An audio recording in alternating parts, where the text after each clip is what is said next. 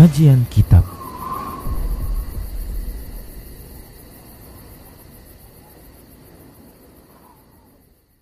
Bismillah, Assalamualaikum warahmatullahi wabarakatuh. Innal hamdalillah nahmaduhu wa nasta'inuhu wa nastaghfiruh wa na'udzu billahi min shururi anfusina wa min sayyiati a'malina. Man yahdihillah fala mudhillalah wa man yudlilhu fala hadiyalah واشهد ان لا اله الا الله وحده لا شريك له واشهد ان محمدا عبده ورسوله صلى الله عليه وسلم قال الله تبارك وتعالى يا ايها الذين امنوا اتقوا الله حق تقاته ولا تموتن الا وانتم مسلمون يا ايها الناس اتقوا ربكم الذي خلقكم من نفس واحده وخلق منها زوجها وبث منهما رجالا كثيرا ونساء واتقوا الله الذي تساءلون به والأرحام إن الله كان عليكم رقيبا. يا أيها الذين آمنوا اتقوا الله وقولوا قولا سديدا يصلح لكم أعمالكم ويغفر لكم ذنوبكم. ومن يطع الله ورسوله فقد فاز فوزا عظيما أما بعد. فإن أصدق الحديث كتاب الله وخير الهدى هدى رسول الله صلى الله عليه وسلم شر الأمور محدثاتها وكل محدثة بدعة وكل بدعة ضلالة وكل ضلالة في النار Para pemirsa Rosyad TV dan para pendengar radio Medan Mengaji di mana saja Anda berada, rahimani wa rahimakumullah. Alhamdulillah kita bersyukur kepada Allah senantiasa dan selalu bersyukur kepadanya atas semua nikmat yang Allah berikan. Alhamdulillah. Itu ucapan menunjukkan kesyukuran kepada Allah tabaraka wa taala. Yang tentunya Allah akan janjikan tambahan bagi siapa saja yang mau bersyukur kepadanya. Salawat dan salam kita ucapkan untuk Nabi kita Muhammad sallallahu alaihi wasallam. Kita berharap kepada Allah agar kita dijadikan sebagai pengikut nabinya sampai Allah mewafatkan kita. Baik para muslim dan muslimat rahimani wa rahimakumullah. Kita masih membahas tentang perkara-perkara yang bisa mengurangi keimanan, keislaman dan tauhid seorang hamba dan di antara perkara tersebut adalah kebid'ahan. Dan kita sedang menyebutkan tentang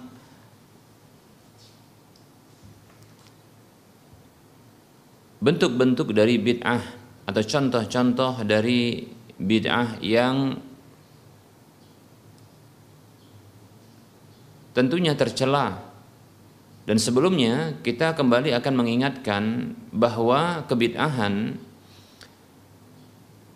yang dimaksudkan oleh Nabi Shallallahu Alaihi Wasallam dengan sabdanya wa kullu bid'atin dhalalah setiap bid'ah itu adalah sesat. Ketahuilah bahwasanya bid'ah yang dimaksudkan oleh Nabi Shallallahu Alaihi Wasallam itu adalah bid'ah di dalam urusan agama. Yang dia bukanlah makna bid'ah secara bahasa. Makna bid'ah secara bahasa adalah segala sesuatu yang dibuat baru yang tidak ada atau tidak memiliki contoh sebelumnya. Dan itu lebih umum mencakup apa saja maka hukum dari bid'ah secara bahasa ini ini belum belum bisa untuk diketahui ya e, kecuali dengan setelah mengetahui apa yang dimaksudkan tersebut. Apakah dia di ranah syar'i ataukah dia di ranah ya duniawi. Dalam urusan-urusan duniawi bisa jadi bid'ah tersebut tercela ya. Bisa jadi ya itu adalah boleh-boleh saja hukumnya atau perkara yang sesungguhnya bisa jadi membawa ya kebaikan bagi manusia sehingga berpahala bagi pelakunya demikian. Adapun bid'ah secara agama atau secara syar'i itu semuanya adalah tercela. Yang makna bid'ah secara syar'i atau secara e, istilah syar'i adalah segala keyakinan, perkataan, tindakan perbuatan atau bentuk meninggalkan yang dengan itu dia beribadah kepada Allah Subhanahu wa taala namun tidak memiliki dalil. Baik dari Al-Qur'an maupun hadis Nabi Shallallahu alaihi wasallam yang menunjukkan tentang pensyariatannya baik itu pada penentuan ya eh, zatnya tata caranya waktunya bilangannya maupun tempatnya. Demikian para muslim rahimani wa rahimakumullah. Dan semua bid'ah dalam urusan agama ini adalah tercela ya pertama alasannya dikarenakan nabi kita Muhammad sallallahu alaihi wasallam yang menyatakan itu sebuah kesesatan. Wa kullu bid'atin dhalalah dan setiap bid'ah itu adalah kesesatan. Kemudian itu merupakan bentuk tandingan terhadap syariat Allah Subhanahu wa taala. Demikian.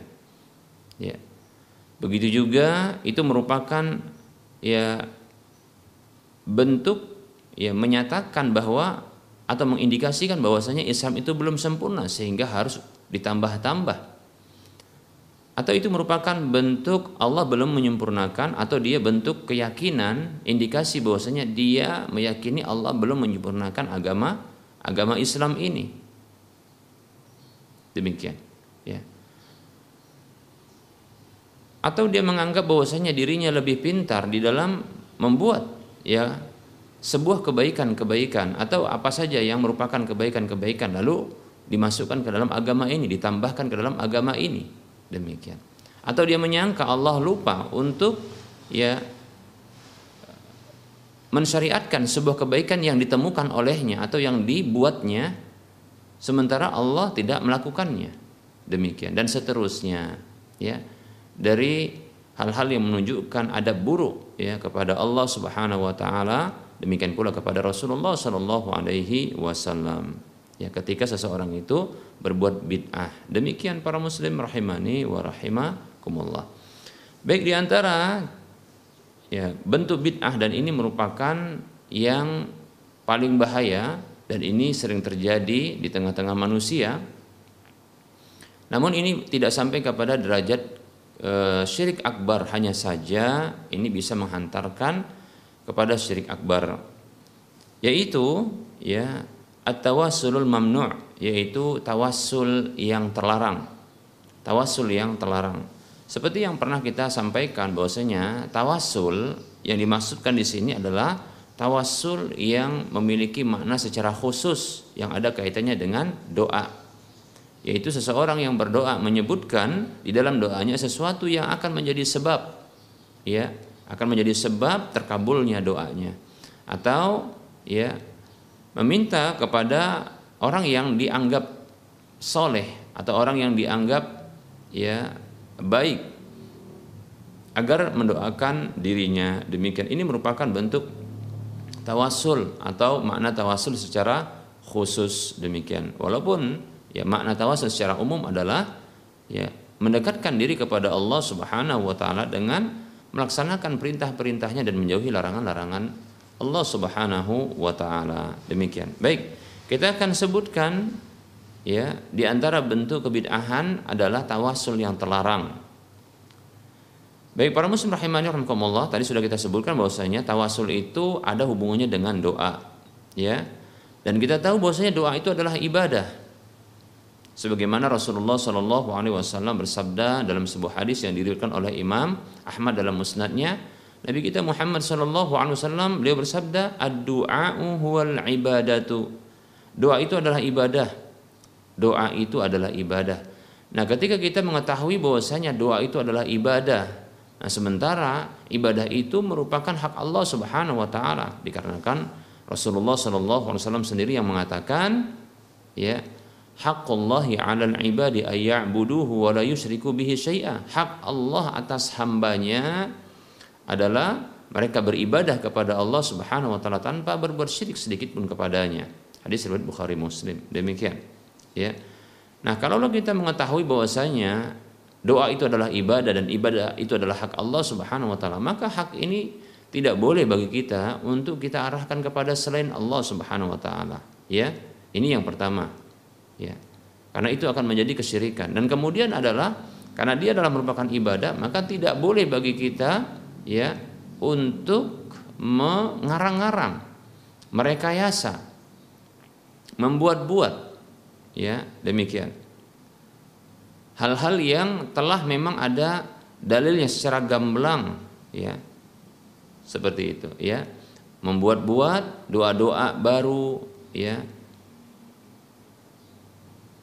bahkan menyalahi ya prinsip di dalam berdoa tersebut. Demikian. Baik para muslim rahimani rahimakumullah. Karena ini akan ya membuat dia e, tertolak tentunya. Man amila amalan laisa alaihi amruna fahuwa raddun. Kata Nabi sallallahu alaihi wasallam ya siapa saja yang beramal dengan sebuah amalan yang tidak ada perintah kami padanya maka tertolak. Hadis riwayat Muslim. Demikian ya Fudil bin Iyad radhiyallahu anhu rahimahullahu taala mengatakan ya ketika beliau memberikan e, komentar atau tafsir terhadap firman Allah Subhanahu wa taala ya walladzi huwallazi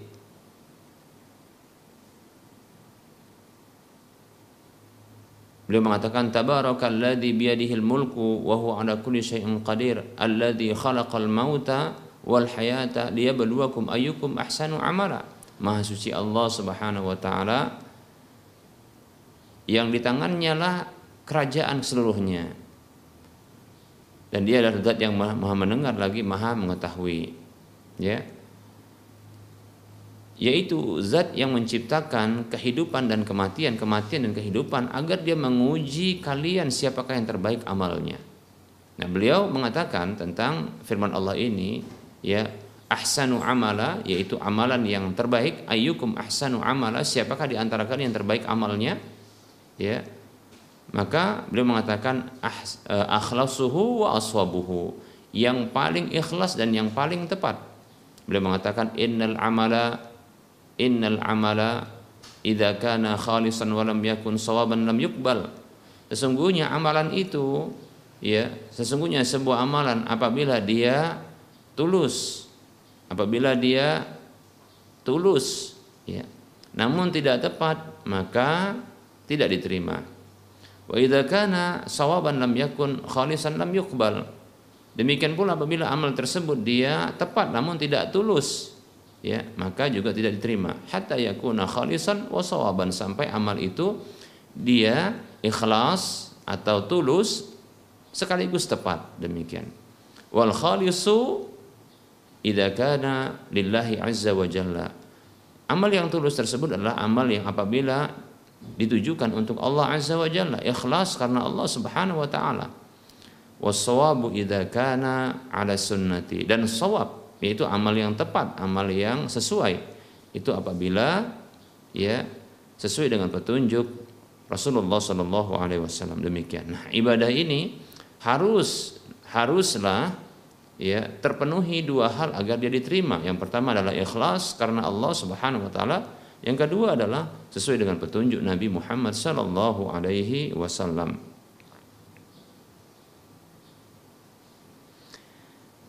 Baik para muslim rahimani wa rahimakumullah.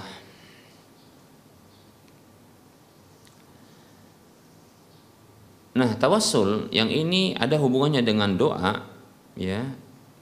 Maka apabila tawassul tersebut, nah tentunya tawassul yang dia berhubungan dengan doa, yang doa itu adalah ibadah, sehingga tawassul ini termasuk bagian dari ibadah.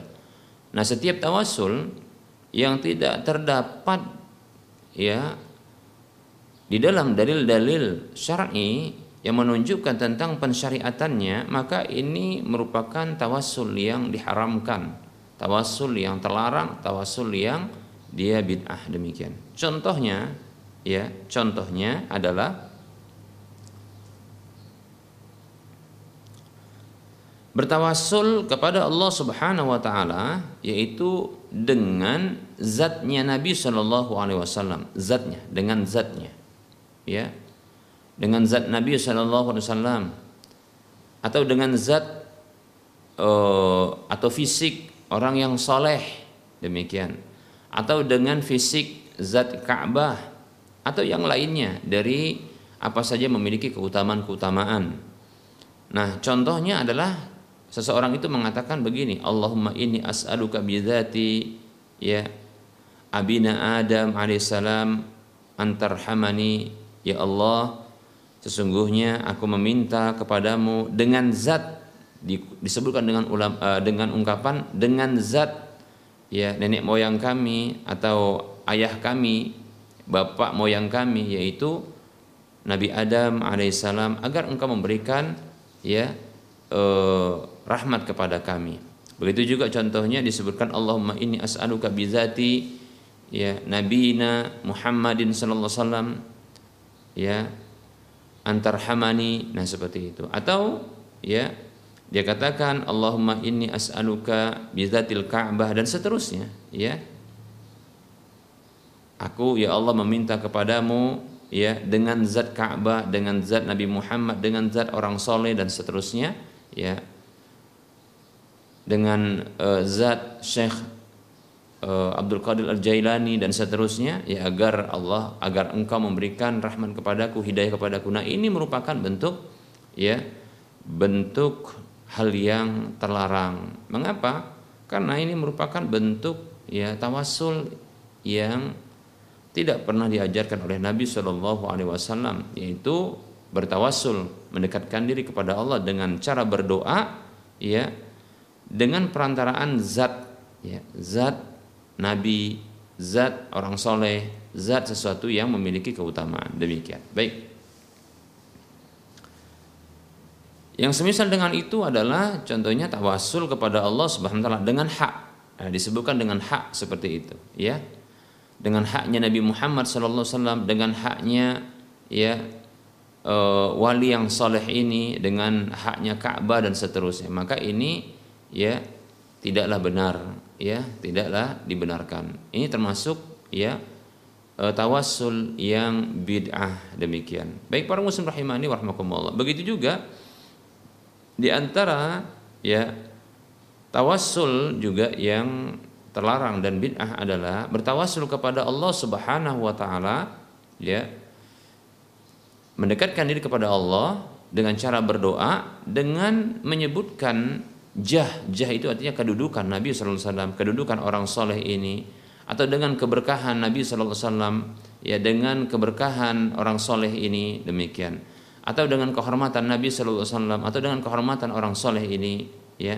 Atau dengan uh, hak atau kedudukan atau kehormatan kemuliaan dari kuburan Nabi orang soleh dan seterusnya maka ini tidaklah dibenarkan ya ini tidaklah dibenarkan. Demikian para muslim rahimani wa rahimakumullah. Mengapa demikian? Karena ya tidak terdapat satupun riwayat dari kalangan sahabat, riwayat yang sahih dari kalangan para sahabat, ya, satupun dari mereka tidak ada, ya, satu riwayat pun, ya, bahwasanya para sahabat, tabi'in, tabi'un tabi'in, orang-orang setelah mereka ini yang soleh, mereka itu bertawassul kepada Allah, mendekatkan diri kepada Allah dengan cara berdoa, ya, dengan menyebutkan hal-hal seperti ini, ya, zat, begitu juga kedudukan, hak, ya, dan ini tidak disebutkan yang seperti ini. Tidak ada riwayat seperti ini. Demikian para muslim rahimani warahmatullah. Ya. Nah tentunya mereka adalah hamba-hamba terbaik Allah Subhanahu wa taala dari umat ini. Ya, dari umat ini. Ya, tentunya ya para sahabat, tabi'in, tabi'in, tabi'un tabi'in, ya generasi-generasi tiga generasi yang utama ini itu generasi sahabat yang mereka itu adalah murid-murid Nabi sallallahu alaihi wasallam.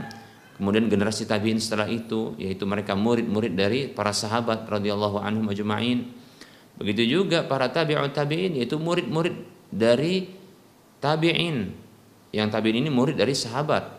Yang sahabat ini murid Rasulullah SAW demikian. Ya, mereka generasi utama ya dari umat ini dan mereka adalah yang terbaik karena Rasulullah SAW mengatakan khairun nasi qarni summa alladina yalunahum summa alladina yalunahum rawahu muslim wa ghairuhu kata Nabi SAW manusia terbaik ya adalah orang yang hidup di generasiku yaitu para sahabat yang tentunya beriman kepada Nabi Shallallahu Alaihi Wasallam ya.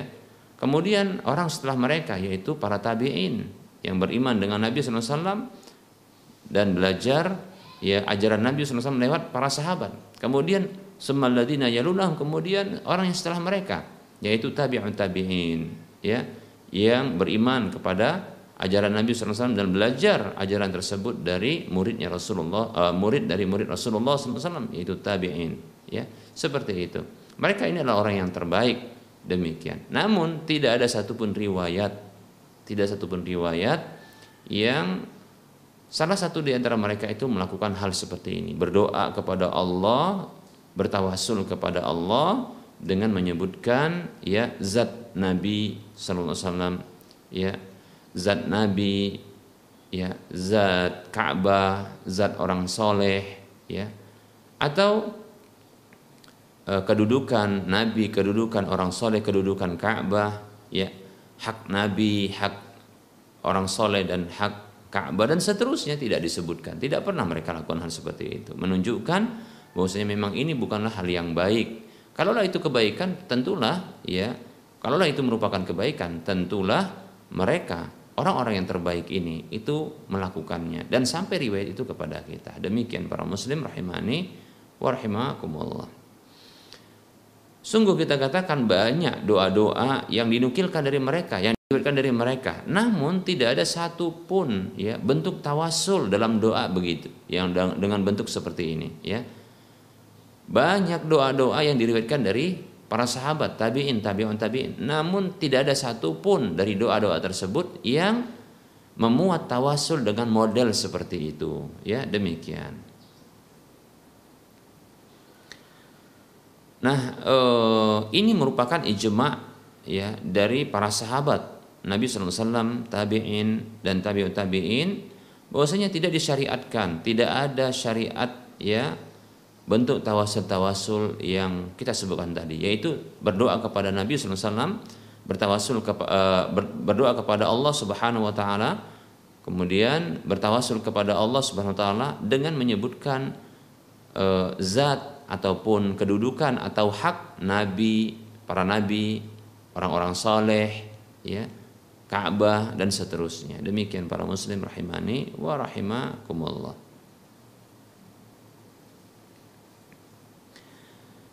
Eh, para ulama mereka menyebutkan ya adanya ijma adanya ijma dari para sahabat tabi'in ya tentang meninggalkan bentuk tawasul-tawasul seperti ini yaitu tawasul berdoa dengan menyebutkan zat kedudukan atau hak dari Nabi, ya kemudian orang-orang soleh, kemudian Ka'bah dan seterusnya. Demikian. Ya, ini sebagaimana yang dinyatakan di antara para ulama tersebut. Itu seperti Syekhul Islam Ibnu Taimiyah rahimahullah taala ya, yang beliau menyebutkan dalam kitab Majmu'ul Fatawa, Majmu'ul Fatawa demikian ya. Di uh, juz yang pertama di halaman yang ke-202 Demikian ya.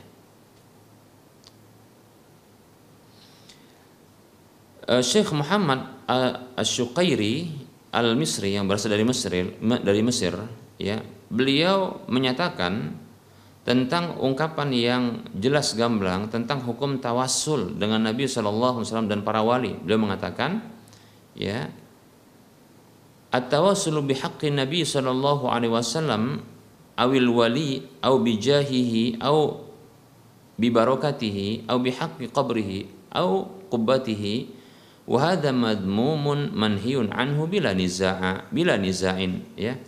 Bertawassul dengan hak nabi atau bertawassul dengan hak wali atau bertawassul dengan kedudukan nabi kedudukan wali atau dengan keberkahan nabi ya dengan keberkahan wali atau dengan hak kuburan nabi atau dengan hak kubahnya Nabi. Maka ini tercela dan terlarang tanpa ada perbedaan pendapat. Demikian ya lihat seorang ulama dari Mesir ya mengatakan demikian.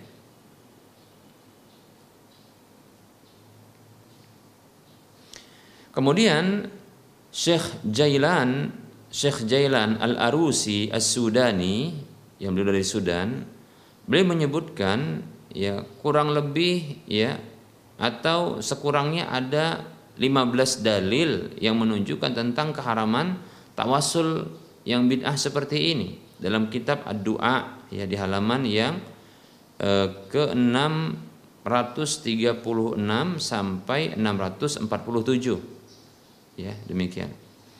Beliau menyebutkan ya tentang pengharaman tawasul-tawasul seperti ini atau sebahagiannya. Ya demikian ya. Seperti itu. Begitu juga ulama-ulama ya fikih dari madhab Hanafi, Maliki, Syafi'i dan yang lainnya menyebutkan tentang pengharaman tawasul seperti ini dan sebahagiannya demikian.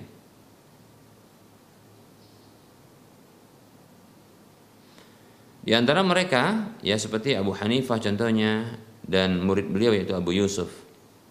Demikian para muslim rahimani wa rahimakumullah.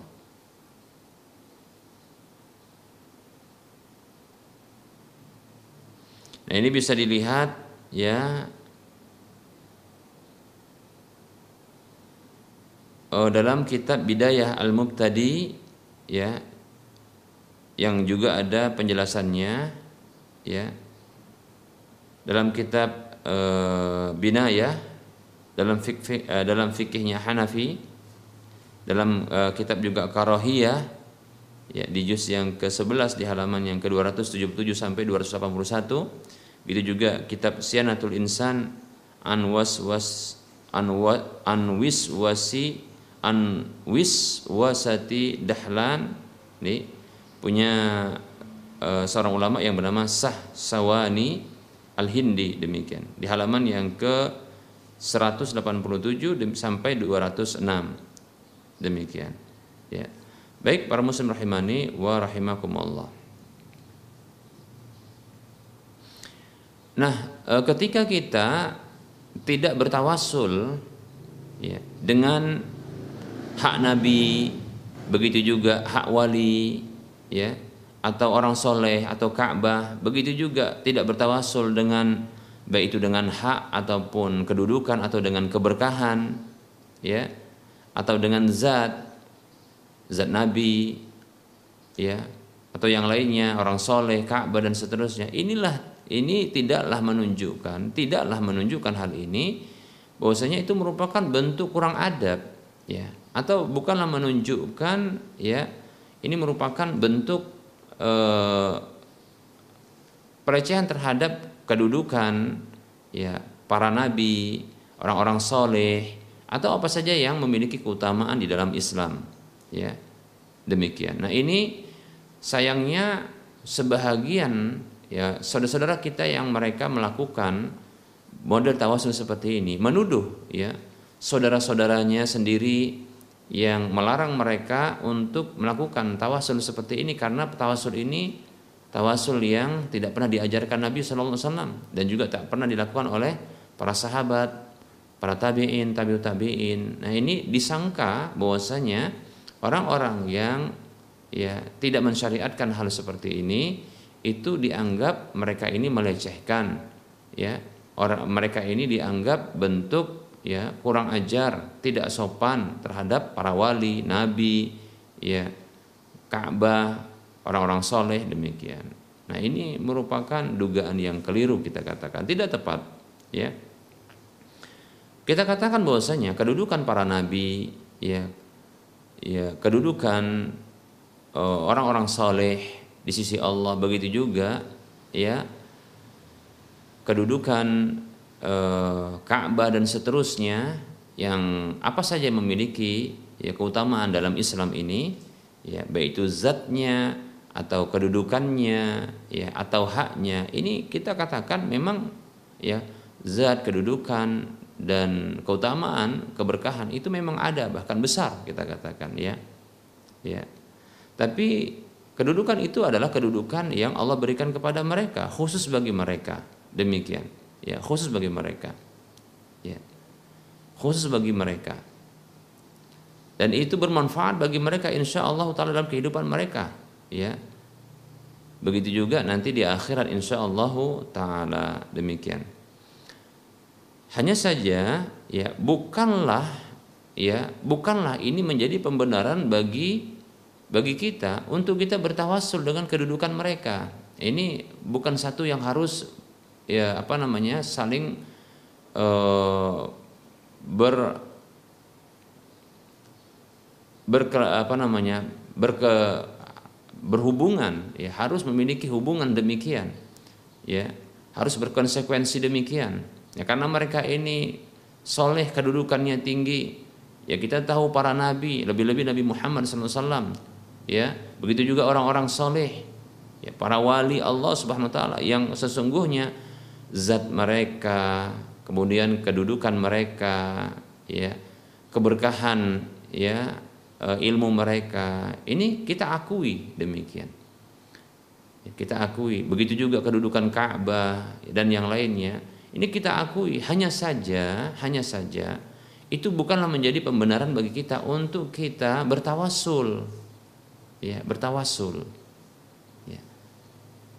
jadi ketika kita ya ketika kita tidak bertawasul dengan kedudukan, dengan zat, dengan keberkahan, ya, baik itu para nabi, orang-orang soleh, Ka'bah, itu bukanlah ya bentuk melecehkan, bentuk merendahkan, ya, apa saja yang memiliki keutamaan yang tinggi dan agung ini di sisi Allah Subhanahu wa taala tidak ya bahkan kita mengakui bahkan kita mengakui bahwasanya ya, para nabi, orang-orang soleh, ya, para wali Allah Subhanahu wa taala. Kemudian apa saja yang memiliki keutamaan di dalam Islam, ya, itu ada ke kedudukannya yang tinggi di sisi Allah. Ada kemuliaan, ada keberkahan yang Allah jadikan. Hanya saja ya, hanya saja kita tidak diperintahkan oleh Allah Subhanahu wa taala lewat lisan Rasulullah dan ini tidak diamalkan oleh para sahabat, orang-orang terbaik tersebut untuk tawasul dengan model tadi. Itu sebabnya. Ya. Dan itu bukanlah merupakan bentuk penghinaan, pelecehan. Ya, demikian. Bahkan kalau seandainya dibalik lah kita katakan dibalik tapi kita tidak ingin demikian ya. Dibalik ya kita yang meninggalkan dan mengajak manusia untuk meninggalkan tawasul model seperti ini lantas dituduh sebagai bentuk apa? Sebagai bentuk uh, kekurang ajaran ya. Ini kita katakan ya. Apakah tidak kurang ajar para muslim rahimani apakah tidak kurang ajar ketika merasa pandai merasa pintar ya lebih tahu ya tentang kebaikan-kebaikan yang Nabi SAW tidak pernah mengajarkannya kepada para sahabat sehingga para sahabat tidak mengajarkannya kepada para tabi'in, para tabi'in tidak mengajarkannya kepada para tabi'ut tabi'in demikian. Yang itu Allah tidak mengajarkan kepada mereka. Siapa yang kurang ajar? Nah, begitu. Kalau kita mau ya berpikir. Nah, jadi sesungguhnya para muslim rahimani rahimakumullah ya. Saudara-saudara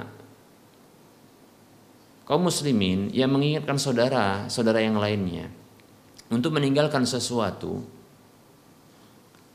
Dikarenakan sesuatu tersebut ya memang sesuatu yang tidaklah diajarkan oleh Nabi Shallallahu Alaihi Wasallam. Lalu diingatkan saudaranya seislam saudara seiman untuk meninggalkannya. Itu sesungguhnya merupakan bentuk sayang bentuk kepedulian ya bentuk cinta demikian. Mengapa para muslim rahimani warahmatullah? Karena sesungguhnya ya Rasulullah bersabda man amila amalan laisa alaihi amruna fahuwa raddun. Siapa saja beramal dengan sebuah amalan yang tidak ada perintah kami padanya maka tertolak. Ya. Jadi khawatir tertolak. Lebih-lebih ini merupakan bentuk ya membuat tandingan syariat bagi Allah Subhanahu wa taala. Demikian kan seperti itu dan seterusnya maka sebagai konsekuensi keimanan maka dia ajalah saudara seiman untuk meninggalkan sesuatu yang ini tidak berdasar. Tidak memiliki landasan ilmu tidak memiliki landasan ya perintah dari Allah Subhanahu wa taala. Dan lewat lisan Rasulullah Shallallahu alaihi wasallam. Demikian ya Bukankah Rasulullah mengatakan sallallahu alaihi wasallam la yu'minu ahadukum hatta yuhibba li akhihi ma yuhibbu li nafsihi? Hadis riwayat Bukhari dan Muslim. Ya tidak sempurna iman salah seorang di antara kalian sampai ia mencintai untuk saudaranya apa yang ia cintai untuk dirinya. Sebagaimana seorang muslim mengetahui bahwasanya hal ini tidak disyariatkan oleh Allah Subhanahu wa taala dan bila dilakukan maka akan tertolak dan bila dilakukan maka itu merupakan bentuk membuat tandingan baru dalam syariat ini dan apabila dilakukan hal tersebut maka itu merupakan ya bentuk tuduhan kepada Nabi SAW bahwasanya itu merupakan bentuk pengkhianatan maksudnya Nabi dituduh berkhianat karena belum menyampaikan kebaikan ini yang dianggapnya baik yang ditemukannya baik demikian maka ketika ini diketahui maka diingatkan saudara seiman untuk meninggalkan hal ini. Jangan demikian. Kan seperti itu. Apakah ini merupakan bentuk kebencian? Apakah ini merupakan bentuk permusuhan? Maka ketahuilah ini bentuk kasih sayang, ini bentuk perhatian. Demikian. Ya. Nah, perlu kita ketahui pula ketika kita nyatakan hal ini merupakan kebid'ahan, kita bukan sedang memfonis orang yang melakukan sebagai ahlul bid'ah, bukan, ya.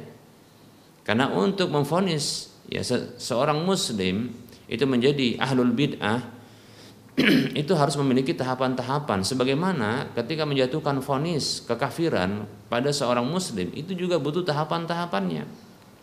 Harus terpenuhi semua syarat-syaratnya dan hilang semua penghalang-penghalangnya. Demikian.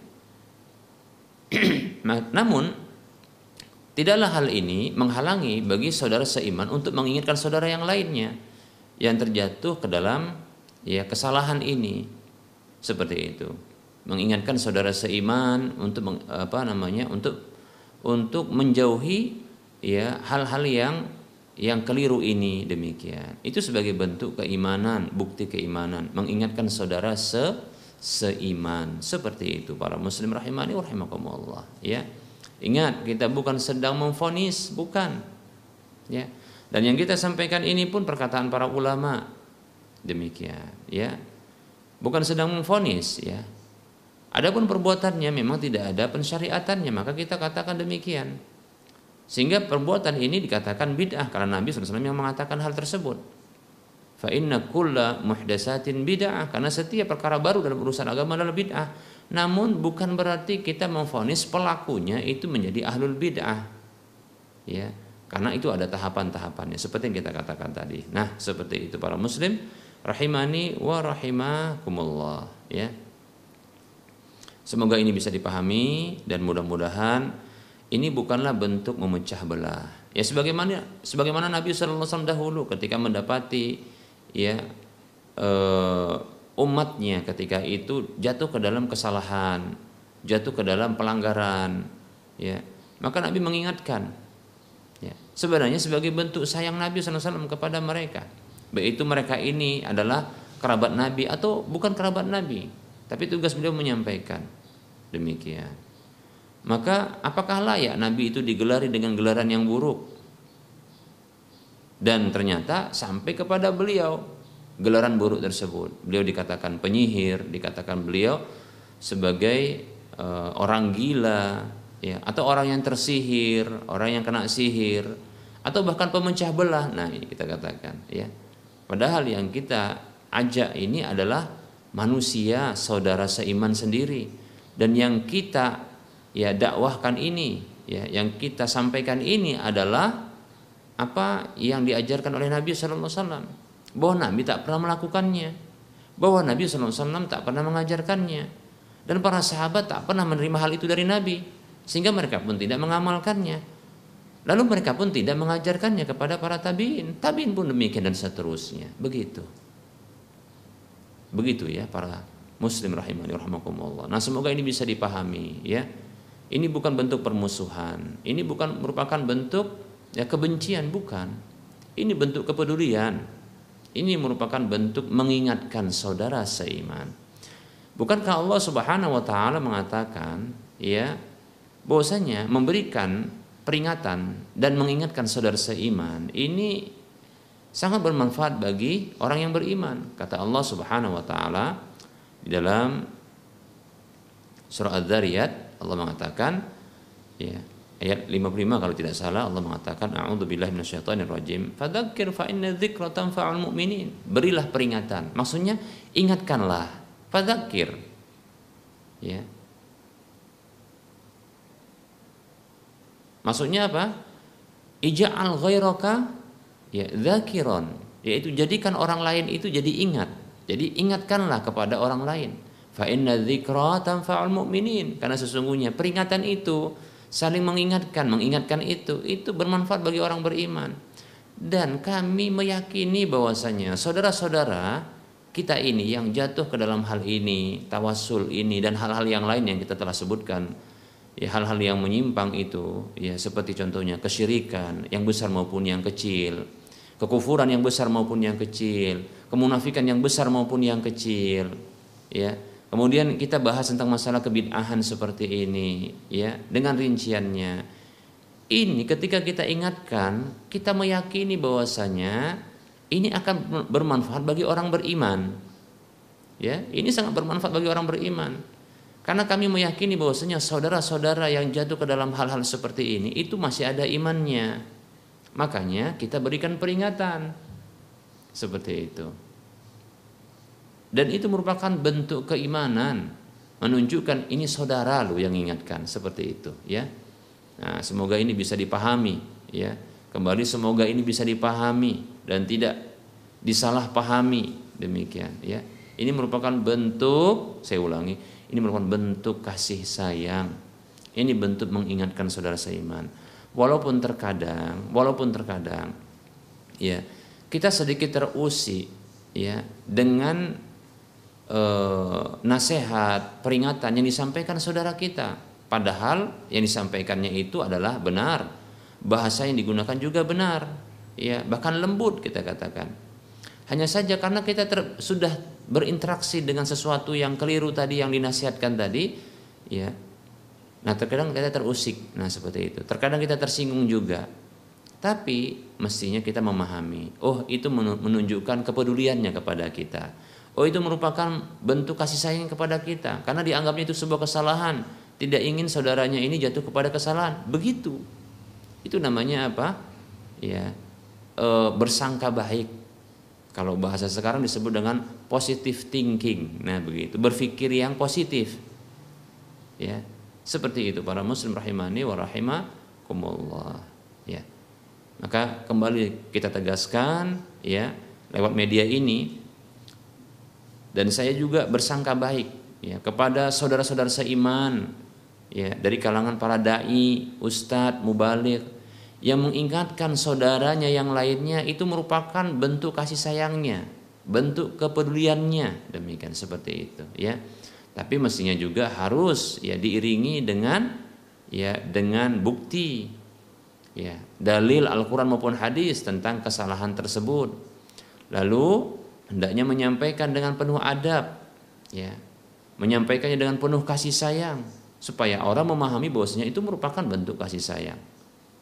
Demikian seperti itu. Nah, jadi saya meyakini ya lewat media ini saya menyampaikan bahwasanya saudara-saudara kita bila memberikan nasihat kepada kita ya itu sesungguhnya merupakan bentuk kasih sayangnya ya. Mungkin begitu semangatnya dalam menyampaikan ya lupa mungkin tentang adab yang mesti ditempuhnya ya. Begitu juga barangkali ya e, bahasa yang digunakan mungkin terlalu berlebihan saking semangatnya begitu demikian. Para muslim rahimani jadi ya terimalah wahai saudara-saudaraku seiman tentang apa yang kita sampaikan ini ya. Diterima sebagai bentuk nasihat. Diterima sebagai bentuk ya ketulusan. Karena nasihat itu tidak dikatakan nasihat kecuali berasal dari kalimat an-nushu. Kata an-nushu yaitu ketulusan. Ini merupakan bentuk ketulusan. Ini merupakan bentuk kepedulian.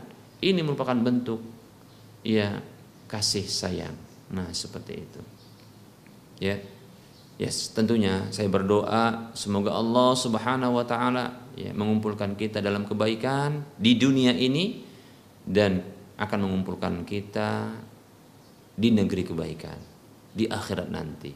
Amin ya rabbal alamin. Nah, ini barangkali ya apa yang bisa kita sampaikan pada pertemuan kali ini ya. Berikutnya kita akan masuki sesi soal jawab. Ya, kita akan masuki sesi soal jawab.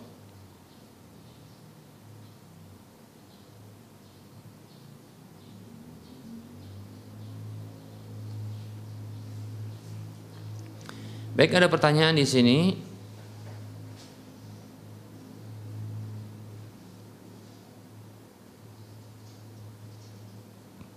Saya ingin bertanya Ustadz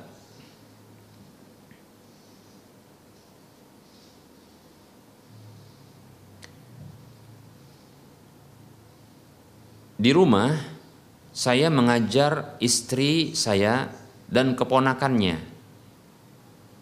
yang perempuan sudah balik sekitar usianya 13 tahun. Apakah antara saya dengan keponakan istri tersebut wajib menggunakan pembatas hijab? Baik ya. Tentunya keponakan istri yang perempuan itu itu sesungguhnya bukanlah mahram yang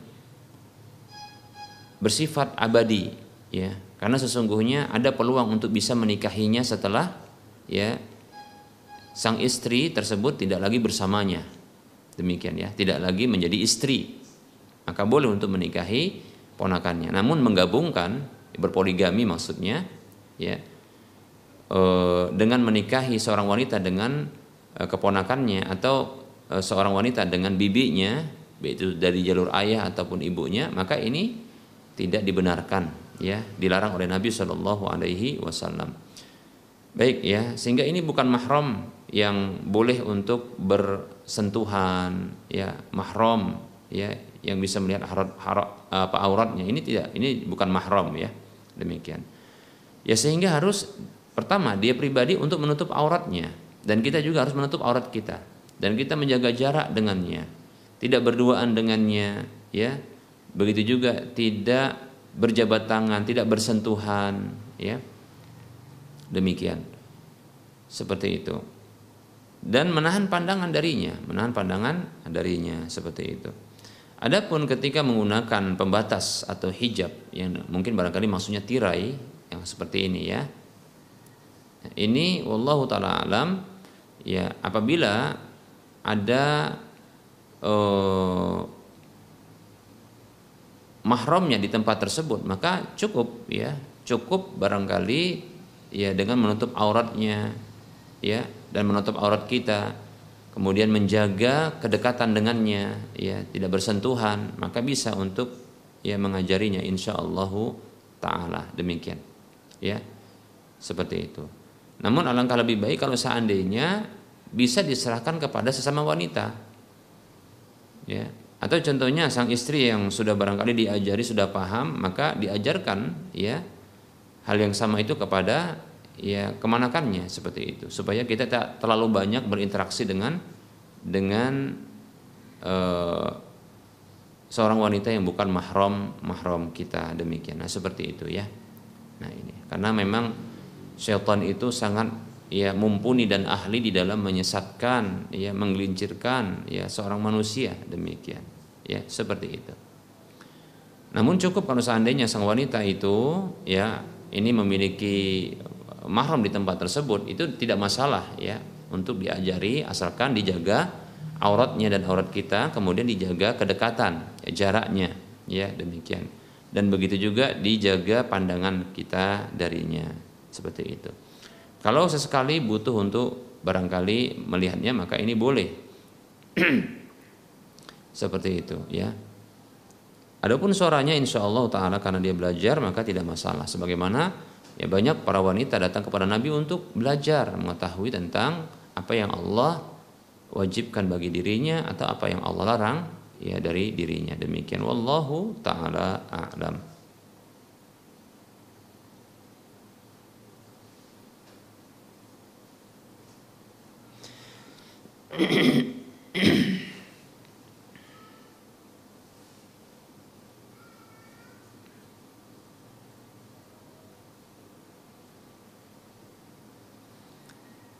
Baik, pertanyaan berikutnya.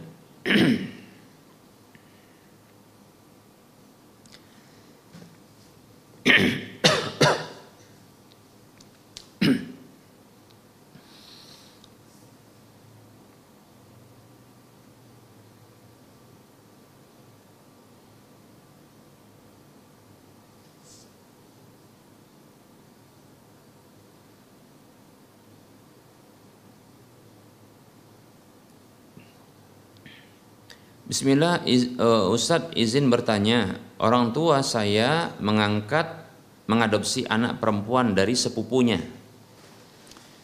Jadi setiap ia berangkat ke sekolah, saya diminta untuk mengantarkannya.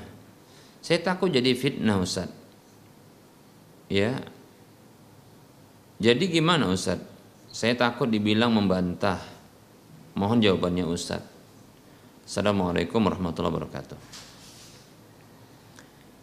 Waalaikumsalam warahmatullahi wabarakatuh.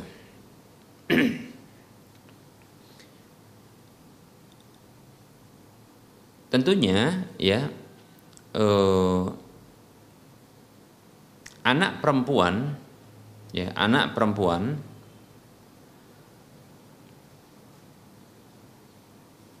dari sepupu orang tua ini bukanlah mahram bagi anak laki-laki dari orang tua tersebut.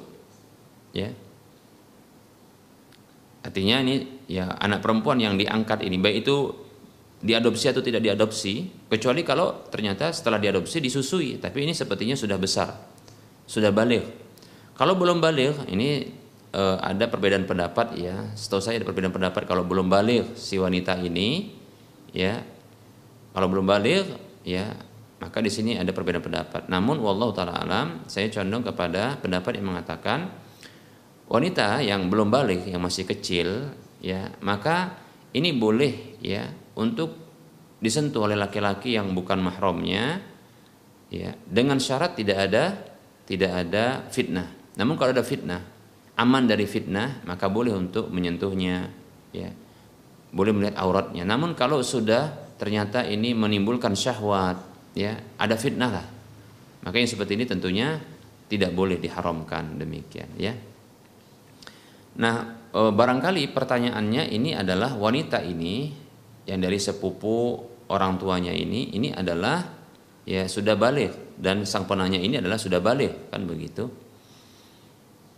Nah, nah maka tentunya tidak boleh, ya tidak boleh untuk berduaan ya di kendaraan. Tidak boleh. Tidak boleh berduaan di kendaraan ya.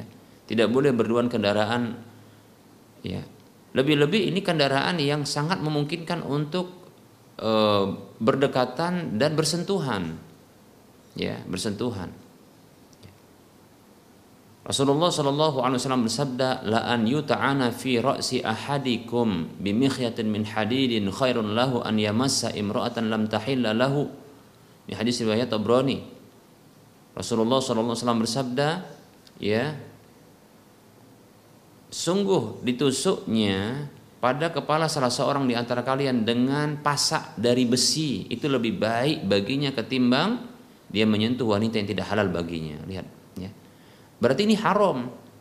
Lalu bagaimana? Ini perintah orang tua. Maka kita katakan tidak boleh, tidak boleh, ya, tidak boleh mentaati orang tua atau siapa pun ya yang diperintahkan oleh Allah untuk mentaatinya namun tidak boleh mentaati siapa pun dalam bermaksiat kepada Allah Al-Khaliq. Kenapa? Karena Allah lebih ta lebih pantas, lebih layak untuk ditaati.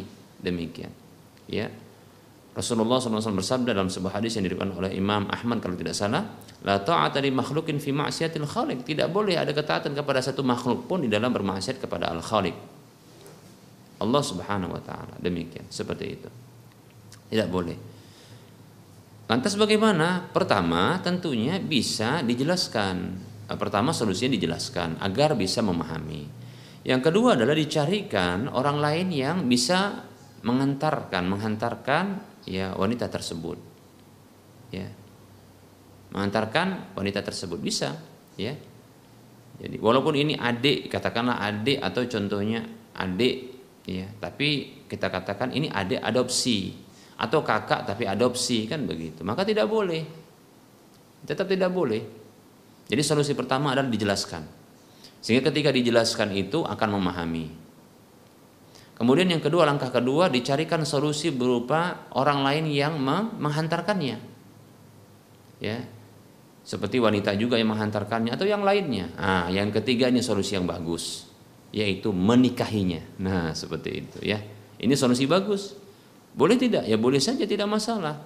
Oh dekat sekali loh. Contohnya mungkin karena barangkali eh, mungkin sebahagian suku itu menganggap tabu ya menikahi eh, keluarga dekat. Maka kita katakan ya kalau secara syar'i ini bukan mahram maka tentunya boleh untuk menikah daripada muncul fitnah dan ini untuk kemudahan. Nah seperti itu. Ya. Ya walaupun kita katakan solusi yang terakhir ini ya sangat berat sulit karena masih sekolah barangkali ya. Wallahu taala a'lam.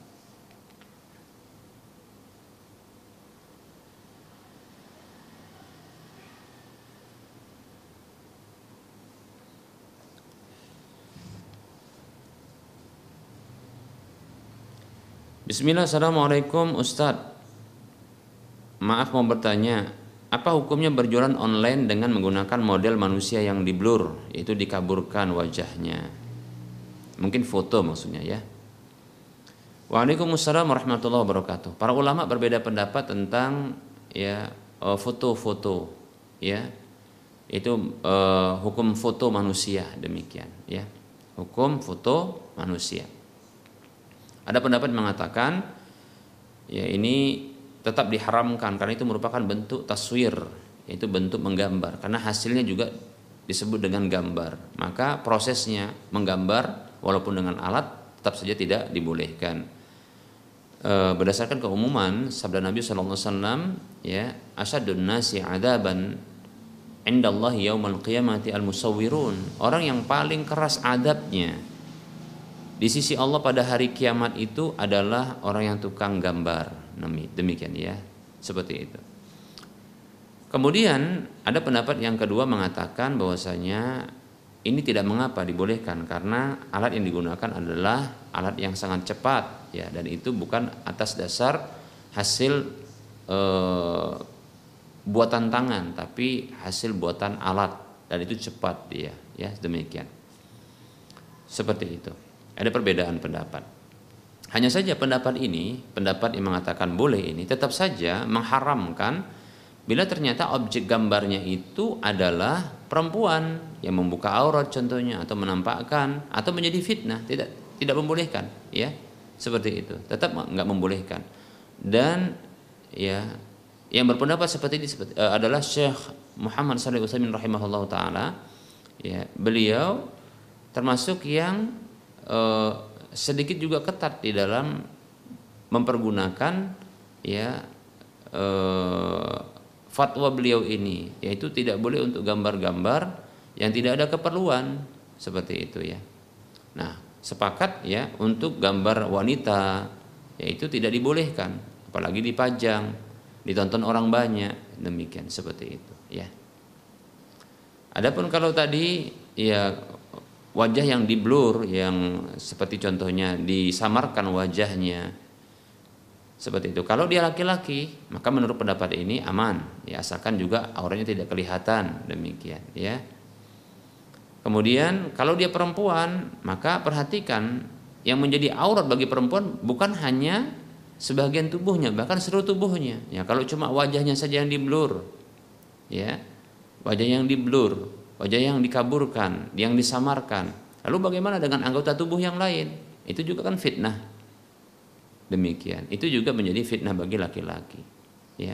Kata Nabi SAW, mata roktu ya, ba'di fitnatan adarra ala rijali minan nisa. Atau kama kala sallallahu Kata Nabi SAW, tidaklah aku tinggalkan setelahku sebuah ujian yang paling memudaratkan bagi laki-laki melainkan para wanita. Demikian. Ya seperti itu. Maka coba perhatikan hal ini ya. Wallahu taala alam. Ya.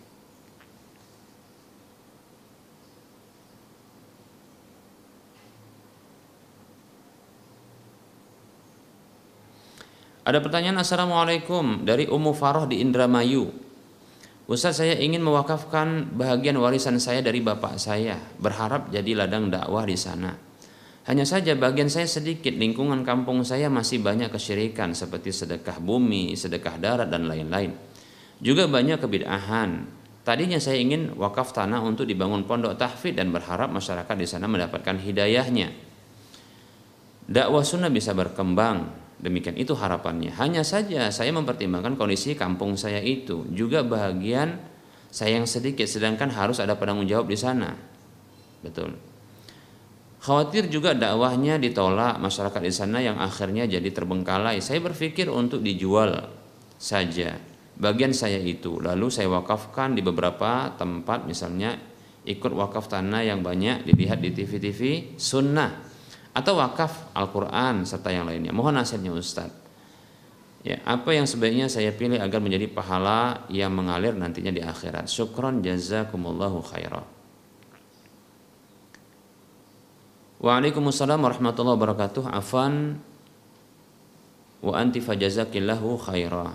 Baik Ummu Farah di Indramayu semoga Allah SWT memberikan kebaikan kepada uh, Ummu Farah beserta dengan keluarga di mana saja ya berada.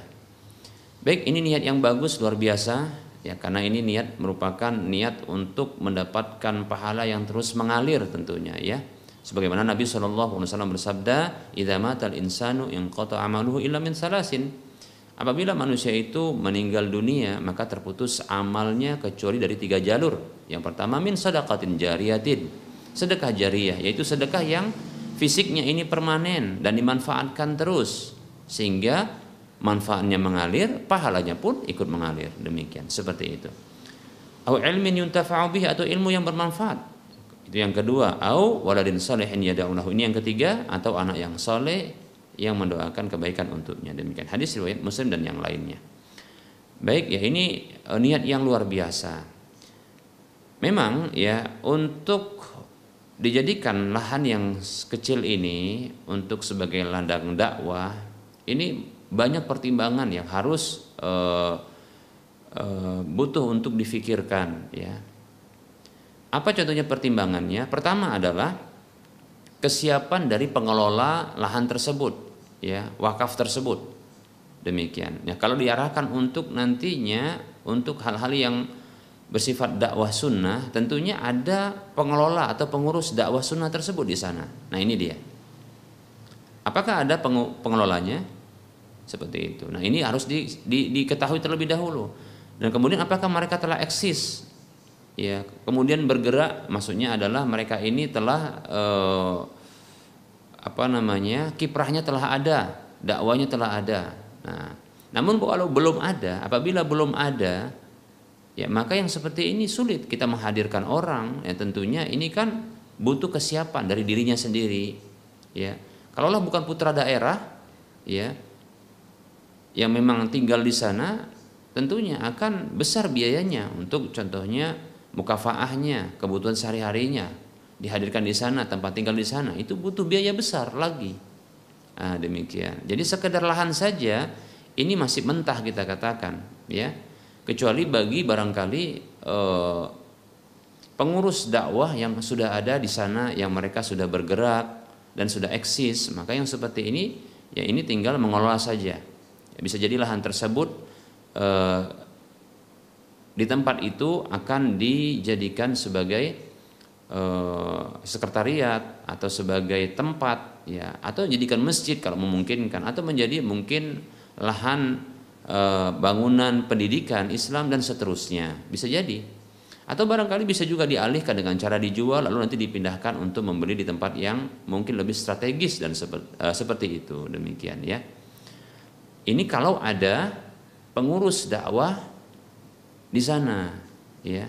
Namun kalau belum ada, maka yang di sini yang agak sulit kita katakan ya. Di sini agak sulit ya. Dan butuh biaya lagi yang lainnya seperti itu. Maka ini pertimbangan yang sebenarnya termasuk yang yang penting ya, pertimbangan yang penting. Seperti itu. Nah, bila ternyata ternyata eh, bila ternyata belum ada pengurus dakwahnya ya. Kalaupun ada cuma satu-satu saja dan itu mereka bukanlah eh, pengurus hanya saja mungkin yang tertarik atau yang sudah mungkin mulai belajar. Nah, ini tentunya mereka belum siap untuk menerima ya tanggung jawab seperti ini, amanah yang besar seperti ini tentunya ya. Maka barangkali bila ingin mendapatkan pahala yang cepat, maka e, solusi kedua yang bisa ditempuh yaitu dengan cara menjualnya. Tidak mesti juga menjual kepada orang lain, bisa juga menjual kepada pihak keluarga. Lalu dananya tersebut diarahkan ya untuk ya kegiatan-kegiatan dakwah ya atau seperti untuk pembangunan masjid atau pembebasan lahan masjid demikian ya seperti itu. Baik ya. atau barangkali untuk sarana-sarana pendidikan Islam atau dakwah sunnah demikian ya nah ini barangkali pertimbangan yang harus di di apa namanya ya diperhatikan difikirkan kan begitu ya maka saya condong di, dengan melihat ada e, ke keberadaan dari e, para pengurus dari dakwah para pengurus dakwah sunnah tersebut yang ada di tempat ya, di kampung halaman tersebut ya. Bila belum ada atau memang tidak ada atau masih masih hanya kumpulan orang saja namun mereka belum siap untuk menerima tanggung jawab besar seperti ini atau amanah besar ini maka dikhawatirkan yang hanya ada terbengkalai. Pertama mungkin karena mereka tidak tahu atau memang belum ahli seperti itu. Maka bila ingin mendapatkan pahala yang cepat segera, nah tadi ya itu bisa dialihkan untuk dijual, kemudian dananya diarahkan ya ke tempat-tempat yang sudah ada, ya yang sudah berjalan ya untuk pembebasan lahan masjid atau pembangunan masjid atau pembebasan lahan pendidikan Islam ya atau uh, untuk pembangunan fasilitas atau bangunan pendidikan Islam tersebut demikian ya Nah, ini pertimbangannya. Semoga bermanfaat.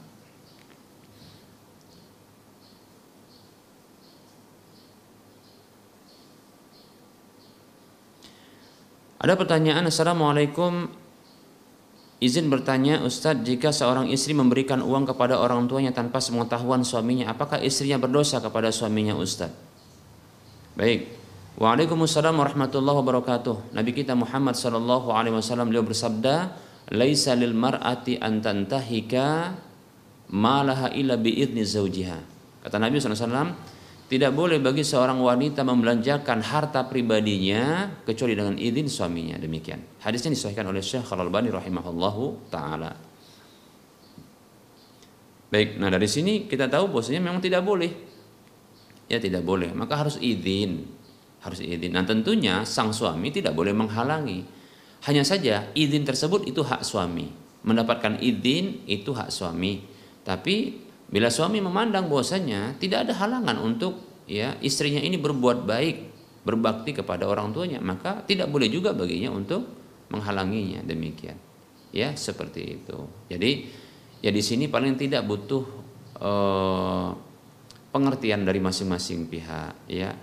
Sang istri harus memahami ini hak suami ya untuk mendapatkan izin ya maka dia pun melakukan izin tersebut permintaan izin begitu juga sang suami harus pengertian memahami bahwasanya tidak layak baginya untuk ya menghalangi istrinya berbakti kepada orang tuanya berbuat baik kepada orang tuanya. Demikian seperti itu. Wallahu taala alam.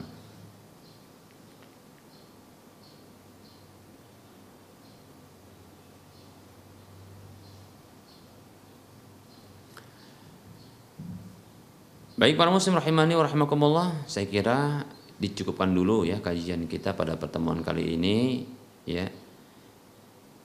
Mudah-mudahan bermanfaat apa yang kita sampaikan. Tentunya kebenaran semuanya itu datang dari Allah Subhanahu wa taala maka ambillah kesalahan, kekurangan dan keburukan serta uh, kekeliruan itu datang dari saya pribadi dan bisikan syaitan, maka tinggalkan dan jauhkan ya mohon maaf atas segala kekurangan kepada Allah saya mohon ampun atas kekurangan tersebut ya dan kepada para hadirin sekalian saya mohon uh, maaf ya kepada para pemirsa para pendengar saya, mohon maaf. Uh, kita tutup kajian kita ini dengan mengingatkan kembali kepada saudara-saudara seiman ya untuk menyisihkan sebagian hartanya. Menyisihkan sebagian hartanya ya mendonasikan sebagian hartanya untuk membebaskan lahan ya yang nantinya akan dibangun di atas lahan tersebut Masjid Al Muwahhidin di Kota Medan. Ya. Sedikit kita ingatkan bahwasanya ya uh, total dana yang dibutuhkan untuk membebaskan lahan ini sekitar 8 miliar 585 juta 200 ribu rupiah demikian ya. Dan kekurangannya ini sekitar ya 6 juta 6, eh, 6 miliar 700 sekian. Ya masih tersisa banyak ini ya yang dibutuhkan. Saya motivasi diri saya pribadi dan kaum muslimin semuanya mari kita sisihkan sebagian harta kita untuk ya eh, kebaikan ini. Ini peluang kebaikan ya tahuilah bahwasanya apa yang kita infakkan ini maka insya Allah taala pahalanya akan terus mengalir. Dan insya Allah taala dia tidak akan mengurangi harta kita. Ya. Rasulullah SAW mengatakan mana kausat sodakatun min malin? Ya. Sedekah itu selamanya tak akan pernah mengurangi harta kita. Padahal jelas berkurang. Ini hadis muslim ya tapi jelas berkurang ini namun ini janji bahwasanya sedekah itu nggak akan pernah mengurangi harta kita di dunia dan di akhirat kita insya Allah taala ini menunjukkan bahwasanya ini akan diganti oleh Allah Subhanahu wa taala dan akan ditambahkan oleh Allah Subhanahu wa taala. Tentunya ya tentunya sedekah itu merupakan bentuk ya bersyukur atas nikmat harta dan itu akan ditambahkan. Setiap kesyukuran itu akan ditambahkan oleh Allah Subhanahu wa taala. Silahkan donasikan ya eh, harta Anda salurkan infak dan sedekah permanen Anda ini ke rekening Bank Syariah Indonesia kalau nggak salah ya. sekarang sudah berubah menjadi BSI kalau nggak salah ya wallahu alam ya dengan nomor rekening 7127 485 555 saya ulangi nomor rekening 7127485555 atas nama Yayasan Lajnah Dakwah Medan demikian ya. Bank Syariah Indonesia kalau tidak salah karena sudah dilebur saat ini ya. Wallahu taala alam semoga bermanfaat. Wassalamualaikum wa ala alihi wa ashabihi ajma'in. Subhanakallahumma bihamdika asyhadu an la ilaha illa anta astaghfiruka wa atubu ilaika. Alamin. Warahmatullahi wabarakatuh.